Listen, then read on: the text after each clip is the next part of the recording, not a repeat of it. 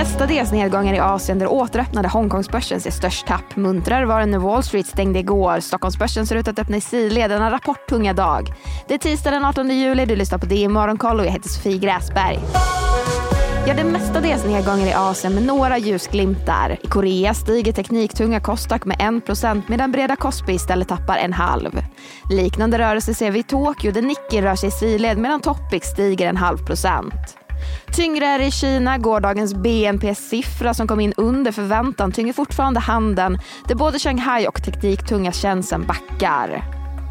Och handeln är åter igång i Hongkong efter att tyfonvarning stängt börsen igår. Men rörelserna är desto dystrare med en nedåtrörelse på 2% så leder Hongkongsbörsen nedgångarna bland de ledande börserna. Och det är återigen framförallt tech och fastigheter som tynger index. Fastighetsutvecklaren Longfor och Country Garden är de stora förlorarna där Longfor tappar tvåsiffrigt. Och från börsrörelse inom fastighetssektorn till en sedan i mars månad handelsstoppad aktie. Det krisande kinesiska fastighetsbolaget Evergrande har nu efter stora förseningar rapporterat sina delårsrapporter för 2021 och 2022. Inte helt oväntat gick bolaget med stora förluster och totalt förlorade bolaget motsvarande 980 miljarder kronor under 2021 och 180 miljarder året därpå. Desto muntrare var det på Wall Street där S&P 500 stängde på årshögsta. Bland vinnarna återfanns Nvidia som steg ytterligare dryga 2% efter upprepat köpråd från Citigroup och Apple som fick upprepat köpråd av Morgan Stanley. Sämre såg det ut för telekomjättarna efter Wall Street Journals avslöjande om att branschen har kvar stora nätverk av giftiga blybaserade kablar över hela USA. Buffett-ägda Verizon med svenska vdn Hans Westberg når sin lägsta kurs på 13 år. Men störst nedgång såg Frontier Communications som rasade tvåsiffrigt. Och precis som i Sverige så är det i USA dags för storbankerna att öppna böckerna.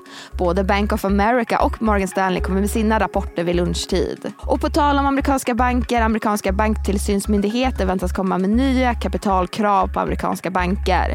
Det senaste utkastet inkluderade högre krav på långivares bostadslån. Men det finns också lite makronyheter att se fram emot. Den amerikanska industriproduktionen väntas sjunka i årstakt till minus 0,5 procent från tidigare 0,2 uppåt. Samtidigt väntas detaljhandeln sjunka till 1,1 procent i årstakt från tidigare 1,6. Sverige så storbankerna Swedbank och SEB följer i spåren av Nordea och rapporterar ett klart högre rörelseresultat än väntat under det andra kvartalet. Där Swedbank mer än dubblade sitt rörelseresultat från motsvarande period förra året. Och om vi fortsätter med morgonens rapporter. Husqvarna rapporterar ett högre rörelseresultat än väntat. Men den organiska tillväxten låg på 0% vilket även det är bättre än vad analytikerna trott att det skulle landa på. Bättre såg det ut för handeln inom skönhetsprodukter där Luko såg ett eh, försäljningslyft som stärkte rörelseresultatet under andra kvartalet. Och så får vi inte missa att Munters, Epiroc, Dometic och Sobi, för att nämna några, rapporterar senare under dagen. DTV sänder extra med anledning av rapportsäsongen så missa inte vd-intervjuerna som sänds från klockan sju. Och från rapporter till fastighetsbolag, SBBs grundare Ilja Battlan har sålt nära 1,1 miljoner aktier. Motsvarande 92 procent av hans totala antal aktier i fastighetsbolaget Fastpartner under andra kvartalet.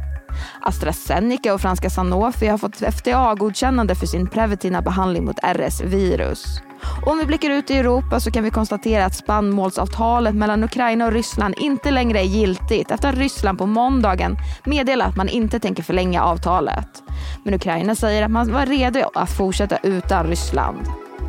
Det var allt för den här nyhetsuppdateringen. Det är Morgonkollet tillbaka igen imorgon. Jag heter Sofie Gräsberg.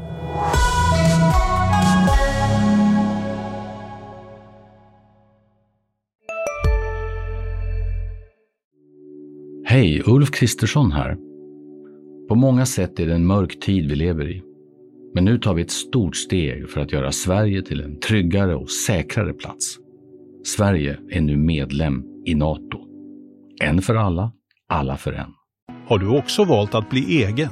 Då är det viktigt att skaffa en bra företagsförsäkring. Hos oss är alla småföretag stora och inga frågor för små. Swedeas företagsförsäkring är anpassad för mindre företag och täcker även sånt som din hemförsäkring inte täcker. Gå in på swedea.se företag och jämför själv.